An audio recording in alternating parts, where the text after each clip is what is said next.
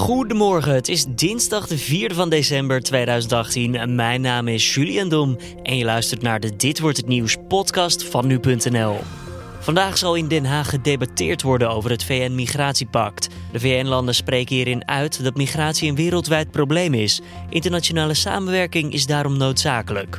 Sommige partijen in Nederland uiten echter wel hun twijfels bij dit pact. Je mag het implementeren, je mag dit doen, je mag dat doen. Dit zijn de afspraken, maar uh, desalniettemin zegt het kabinet het is een heel belangrijk diplomatiek middel. En deze dinsdag viert volkszanger Walter Kroes dat hij al 30 jaar actief is in het artiestenvak. Dat doet hij in een uitverkocht theater Carré en wij spraken hem erover.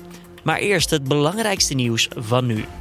In Duitsland lopen honderden rechtsextremisten vrij rond. Dat terwijl er een arrestatiebevel tegen hen is uitgevaardigd. Volgens de Neue Osnabrücker Zeitung gaat het om ruim 450 rechtsextremisten van wie de politie niet weet waar ze zijn.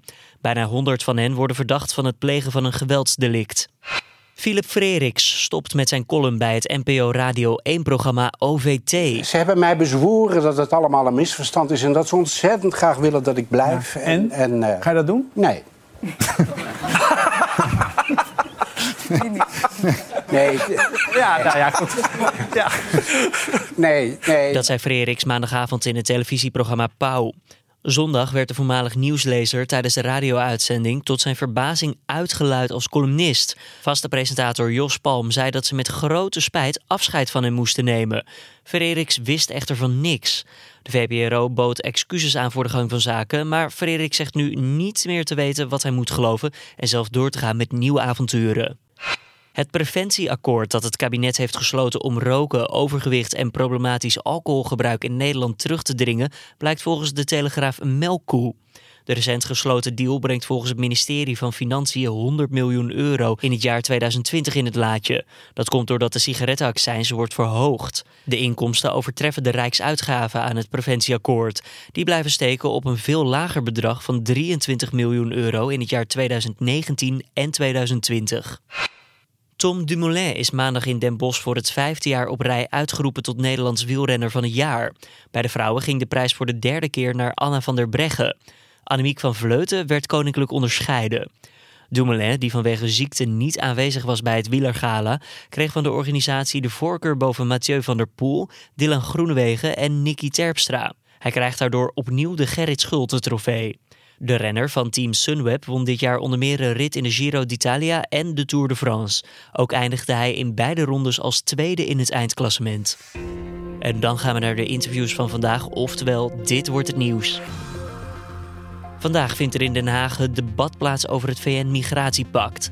VN-landen spreken in dit pact uit dat migratie een wereldwijd probleem is. Internationale samenwerking is daarom noodzakelijk. Het kabinet was al van plan om op 10 en 11 december in te stemmen met het pact, maar dan wel met een aanvullende verklaring waarin Nederland onderstreept dat de afspraken en intenties niet bindend zullen zijn. Je hoort Carne van der Brink in gesprek met politiek verslaggever Avinash Biki. Nou, dit pact is het resultaat van verschillende gesprekken die meerdere landen met elkaar gevoerd hebben wereldwijd. Dat, die dialoog is op gang gekomen uh, zo omstreeks 2015. Nou ik kan me misschien nog herinneren, er was destijds migratiecrisis. Uh, waar meerdere mensen op de vlucht waren voor oorlog, geweld, klimaatverandering. Met als uh, nou ja, meest zichtbare voor ons de vluchtelingen uit Syrië. Ik kan misschien beelden nog wel herinneren. Verschrikkelijke beelden van de bootjes die de aanmeerden ja. inderdaad. Nou ja, goed, toen op dat moment uh, had Europa uh, eigenlijk ook een soort incentive om iets te gaan doen aan die ja, toch wel veranderende wereld. Dus zijn ze op VN-niveau met meerdere landen gaan praten en hebben ze afspraken gemaakt. Eigenlijk een soort herbevestiging van afspraken die ze al hadden. En intenties van, nou ja, zo willen wij um, in de toekomst het migratieprobleem gaan aanpakken met z'n allen. Vrijdag werd hij ook over gesproken. Afgelopen vrijdag. Staatssecretaris Mark Van Asiel maakte vrijdag na afloop van de ministerraad bekend dat ja. Nederland zal instemmen met het VN-migratiepact.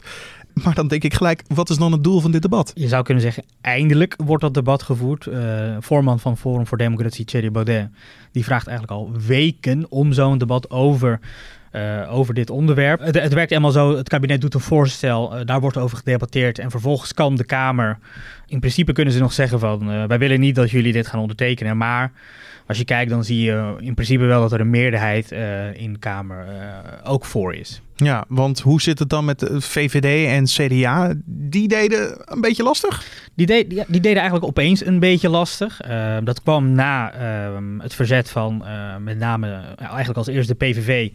En Forum voor Democratie heeft dat stokje eigenlijk overgenomen en nou ja, op een redelijke goede manier campagne meegevoerd. En nou ja, goed, dat zijn twee ja, partijen aan de, ja, toch wel aan de uiterste rechterkant van, uh, van de Tweede Kamer. Nou ja, dat is een electoraat waar CDA en VVD, uh, uh, ja, die delen eigenlijk het electoraat. Ja, toen, dacht, dan, toen dachten die twee, VVD en CDA, nou verdorie, ja, wij moeten hier ook iets mee. Dus toen hebben zij ook hun zorgen uitgesproken over bijvoorbeeld, is dit pact nou bindend of niet? Um, dat is eigenlijk het grootste bezwaar van de, van de critici. Die zeggen van, nou, dit pact is bindend. En het verplicht ons uh, tot allemaal dingen. De, ja. de, de, deuren gaan wagenwijd open voor de asielzoekers. Je bent met je handen geboeid aan uh, de regels van de VN. Precies, precies. Dus toen hebben VVD en uh, CDA dus ook om een juridische verklaring gevraagd. Van, hè, leg even uit van hoe dit nou zit. Nou, dat heeft Harbers toen gedaan. Dat is voor, voor VVD en CDA nu zeg maar ja, eh, de reden waarom ze waarschijnlijk uh, gewoon zullen gaan instemmen. Ja, want als we kijken naar andere landen hè, buiten Nederland om, uh, staat ieder land nou achter dit migratiepact? Nee, zeker niet. Nee, zeker niet. Het zijn met name een beetje de, de, de, de rechtspopulistische anti-migratielanden, zoals de VS dat nu is onder Donald Trump. Um, Hongarije met Orbán, Polen, uh, daar, ja, dat zijn eigenlijk allemaal landen die wat rechtspopulistischer zijn en um, ja, migranten toch als een heel groot probleem zien in hun, in hun samenleving. Um, maar ook Australië, uh, mm -hmm. die al hele strenge immigratiewetten heeft. Die, die halen ook allemaal als reden aan van uh, dit verplicht ons tot, uh, tot handelingen die wij eigenlijk niet willen nemen. En wij willen onze eigen regels behouden. Um, en, en zij zeggen, ja, dit tast eigenlijk onze nationale soevereiniteit aan. Maar niet iedereen gaat het tekenen. Heeft dat pact dan nog wel zin? Nou, die vraag is gesteld ook hè, op de persconferentie afgelopen vrijdag. Uh, het heeft zin. Kijk, het, het, het wordt... Um, uh, het wordt omgevormd tot een VN-resolutie uh, als twee derde meerderheid instemt. Let wel, er wordt niks ondertekend.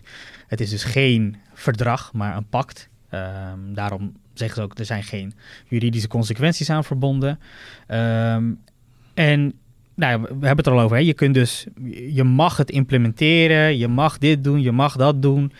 Dit zijn de afspraken, maar uh, desalniettemin zegt het kabinet, het is een heel belangrijk diplomatiek middel. Dus um, met dit pact in de hand kan Nederland dus bijvoorbeeld tegen Marokko of tegen Tunesië of uh, tegen Nigeria zeggen van, ja, luister eens, wij hebben hier asielzoekers in Nederland. Uh, die zijn uitgeprocedeerd. Die hebben geen recht op verblijf. Wij willen dat jullie uh, jullie onderdanen terugnemen. Nu is dat een probleem. Er zijn heel veel landen die uh, deze uitgeprocedeerde asielzoekers die in Nederland verblijven niet willen terugnemen. Nou. Wat krijg je dan? Uh, van die uitgeprocedeerde Marokkaanse asielzoekers of andere groepen ja, die blijven dan een beetje rondzwerven in Nederland. Uh, het kabinet zegt, nou ja, met dit pact in de hand hebben wij een diplomatiek middel om druk uit te oefenen op die landen om ze wel terug te nemen. Um, maar goed, er zijn ook andere uh, geluiden die zeggen, nou ja, goed, als dit niet bindend is, uh, waarom ondertekenen we dit dan überhaupt en waarom zouden we het risico nemen om het te tekenen als later blijkt dat, dat het toch bindend is? Ze verwijzen daarbij ook naar de Urgenda-zaak. Mm. Dat is de zaak waarbij uh, het Hof heeft gezegd dat Nederland uh, meer moet doen om de uitstoot van de broeikasgassen uh, naar beneden te krijgen. Nou goed, daarvan zegt het kabinet ook, nou dat is niet vergelijkbaar. de rechter heeft daarbij verwezen naar het klimaatakkoord van Parijs. Maar ook um, verschillende rechten en plichten uit het Europees Verdrag van de Rechten van de Mens. En zij zeggen daarbij, dat is hier absoluut niet het geval. Dit is een pact, dit zijn afspraken en intenties die wij met elkaar afspreken. En ze zeggen, dit is een stap in ieder geval naar um, een, wat, wat meer beheersbaarder en gecontroleerdere vorm van migratie. Want uh, één ding is zeker, dat, uh, dat de, dat de uh, bevolkingsgroei zal toenemen, met name in Afrika. Je hebt klimaatverandering, heel belangrijk, waardoor mensen huis en haard zullen gaan verlaten. Dus dit is een probleem waar je niet vroeg genoeg bij kan zijn. En misschien zijn we zelfs al dat ja, dat stadium voorbij en uh, zijn, zijn stevigere maatregelen nodig. Je hoorde ons politiek verslaggever Avinash Wiki. Volkszanger Walter Kroes viert vandaag dat hij al 30 jaar actief is in het artiestenvak. De zanger viert dat op een bijzondere locatie, namelijk Koninklijk Theater Carré. Hoe Walter na al die jaren nog naar zijn vak kijkt, dat vraagt collega Carné van der Brink. Nou, ik zou je vertellen, ik zing met net zoveel plezier. Ik heb de hele nacht liggen dromen. Nu nog als 20 jaar geleden. Ik weet niet wat dat is, maar dit vak verveelt mij echt nooit. Nooit, nooit, nooit. En ben je dan nu in dit jaar dan heel erg aan het terugkijken? Of ben je daar niet echt van? Dat je op een zondagmiddag lekker eh, een plakboek gaat pakken en dat je op een luie stoel gaat zitten? Ik zou je vertellen, ik werd op een gegeven moment door mijn manager dit jaar gebeld. Van joh, weet je dat jij in 88 bent begonnen? Ik zeg, hoe, bedoel je? Nou, je zit 30 jaar in het vak. Ik stond daar helemaal niet bij stil, man. Helemaal niet. Ik ben gewoon zo met mijn, met, met mijn vak bezig, met wat, wat ik leuk vind. Ik ben met optredens bezig. Ik ben met concerten bezig dat ik helemaal niet stilsta bij een 30-jarig jubileum. Het is dat mensen om mij heen dit mij vertelden, waardoor we ook inderdaad zoiets hadden van ja, maar ja, dit moeten we vieren. Dit moeten we natuurlijk uh, dit moeten we niet voorbij laten gaan. En toen kwam Carré op mijn pad.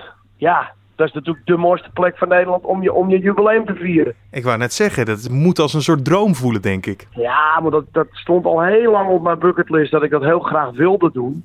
Alleen Carré kun je niet zelf boeken, hè? daar moet je voor gevraagd worden. En ik werd dus gevraagd door Carré of ik dat wilde doen. Ja, dan, uh, dan gaat er natuurlijk een, een, soort hemel voor jou op in één keer, dus als je dat mag doen. Uh, ik las bijvoorbeeld in een interview wat ik heel grappig vond over de beginjaren dat je uh, begonnen was met zingen op een kratje op de Dam in Zaandam. En dat je... Ja, ik ben echt op een, letterlijk op een kratje begonnen en uh, in het bierhok van cafeetjes. En gewoon helemaal vanuit het niets zijn we langzaam omhoog gaan klimmen. Mis je soms die tijd? Nou, of ik die tijd mis? Ja, het was natuurlijk wel heel leuk, want toen, toen was alles nog nieuw. Toen wist je ook nog niet wat er ging gebeuren allemaal, wat er allemaal op je pad zou komen. Het was toen wel één groot avontuur, maar ja, naarmate dat avontuur natuurlijk steeds groter werd, uh, ja, dan, dan wordt het in één keer je vak, het wordt je beroep, het wordt je, ja, dan wordt het anders. Dan krijg je met meer mensen te maken, je krijgt met personeel te maken, je krijgt met bandleden te maken. Dankjewel. Je krijgt met zoveel dingen dan. Ja, dan wordt het in één keer een heel ander ding. Uh, als je aan Wolter Kroes denkt, denk je gelijk aan. Ik heb de hele nacht liggen dromen. Bijvoorbeeld in Viva Hollandia. Viva Hollandia. Ik ben je prooi. Laat me los. Het seizoen van ons. Ja, dat zijn nummers die heel Nederland meezingt. Ik heb de hele nacht liggen dromen.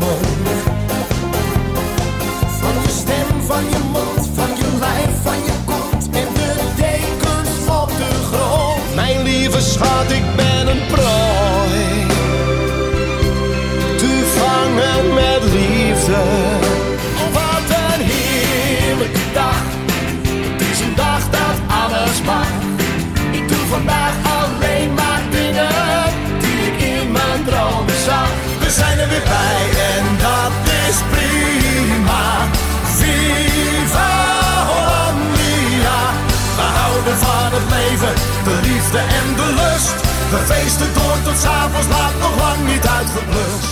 Hoe kijk jij terug op al die hits nu? Ja, hoe kijk je daarop terug? Ik moet je eerlijk zeggen, dat is geweest. Hè? We moeten weer verder. Hè? We willen weer nieuw repertoire maken. maar het is wel je legacy, weet je. Het is wel je... Waardoor je nu binnen 2,5 minuut carré uitverkoopt.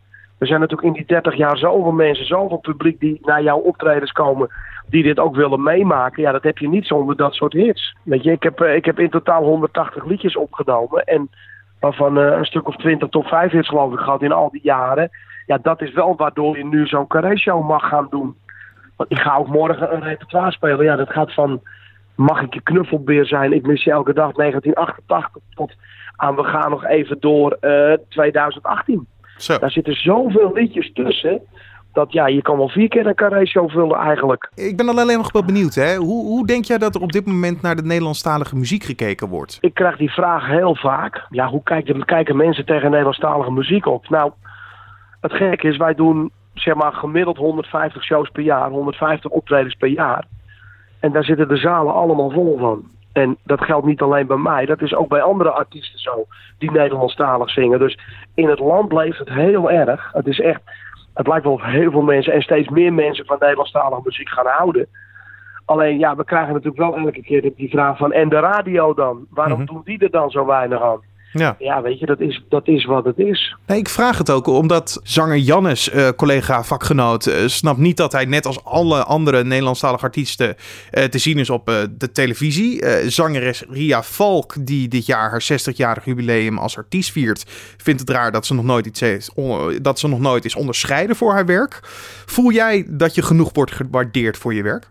Nou ja, ik ben zelf heel veel op televisie. Er zijn genoeg radiostations die wel ons repertoire draaien. Alleen dat zijn dan niet de Hilversumse zenders. Eh, nee, ik heb niet het gevoel dat wij niet gewaardeerd worden. Dat heb ik niet. Maar het zou wel veel meer kunnen. Het zou wel veel meer kunnen natuurlijk, weet je. Dat, eh, dat, dat wel. Maar, maar ja, het is wel, ik, ik heb altijd zoiets van, het is wat het is, hè. Vaak, vaak ligt het ook eh, aan de artiesten zelf natuurlijk. Hè. Je moet wel met nieuw repertoire blijven komen. Je moet wel ontiegelijk in je vak investeren. Wat vreselijk veel geld kost. Maar goed, dat is dan zo. En dat moet ook maar kunnen. Ja, er zijn natuurlijk genoeg artiesten die dat helaas niet kunnen. Waardoor ze dat ook niet kunnen doen. En dan wordt het wel moeilijk inderdaad. Ik snap wel waarom ze het zeggen. Je moet niet stil blijven staan Nee. als artiest. Er zijn heel veel artiesten die denken dat als ze door thuis op de bank gaan zitten... dan komt het vanzelf wel. Nou, dat is natuurlijk niet zo. Nee, het is Je moet keihard wel werken. blijven, je moet, je moet keihard, en dat geldt voor jullie ook. Als jij bij nu.nl niet eh, bij, de, bij de actualiteit van de dag blijft, en je gaat achterover zitten, dan hebben jullie ook niet zo'n fantastisch, zo'n fantastisch eh, nu.nl op, op poten kunnen zetten. En, ja, en sommigen hebben, nou, nou zeg ik niet dat Jannes dat het niet heeft, want Jannes die is verschrikkelijk groot in een deel van ons land. En die jongen die verkoopt gewoon een, een Gelderdoom uit. Dus dat, ik vind dat die gewoon bij de top van Nederland hoort. Ik wil afsluiten met een, een simpele vraag die je denk ik honderd keer hebt gekregen onderhand. Ehm, dit jaar 30 jaar in het vak.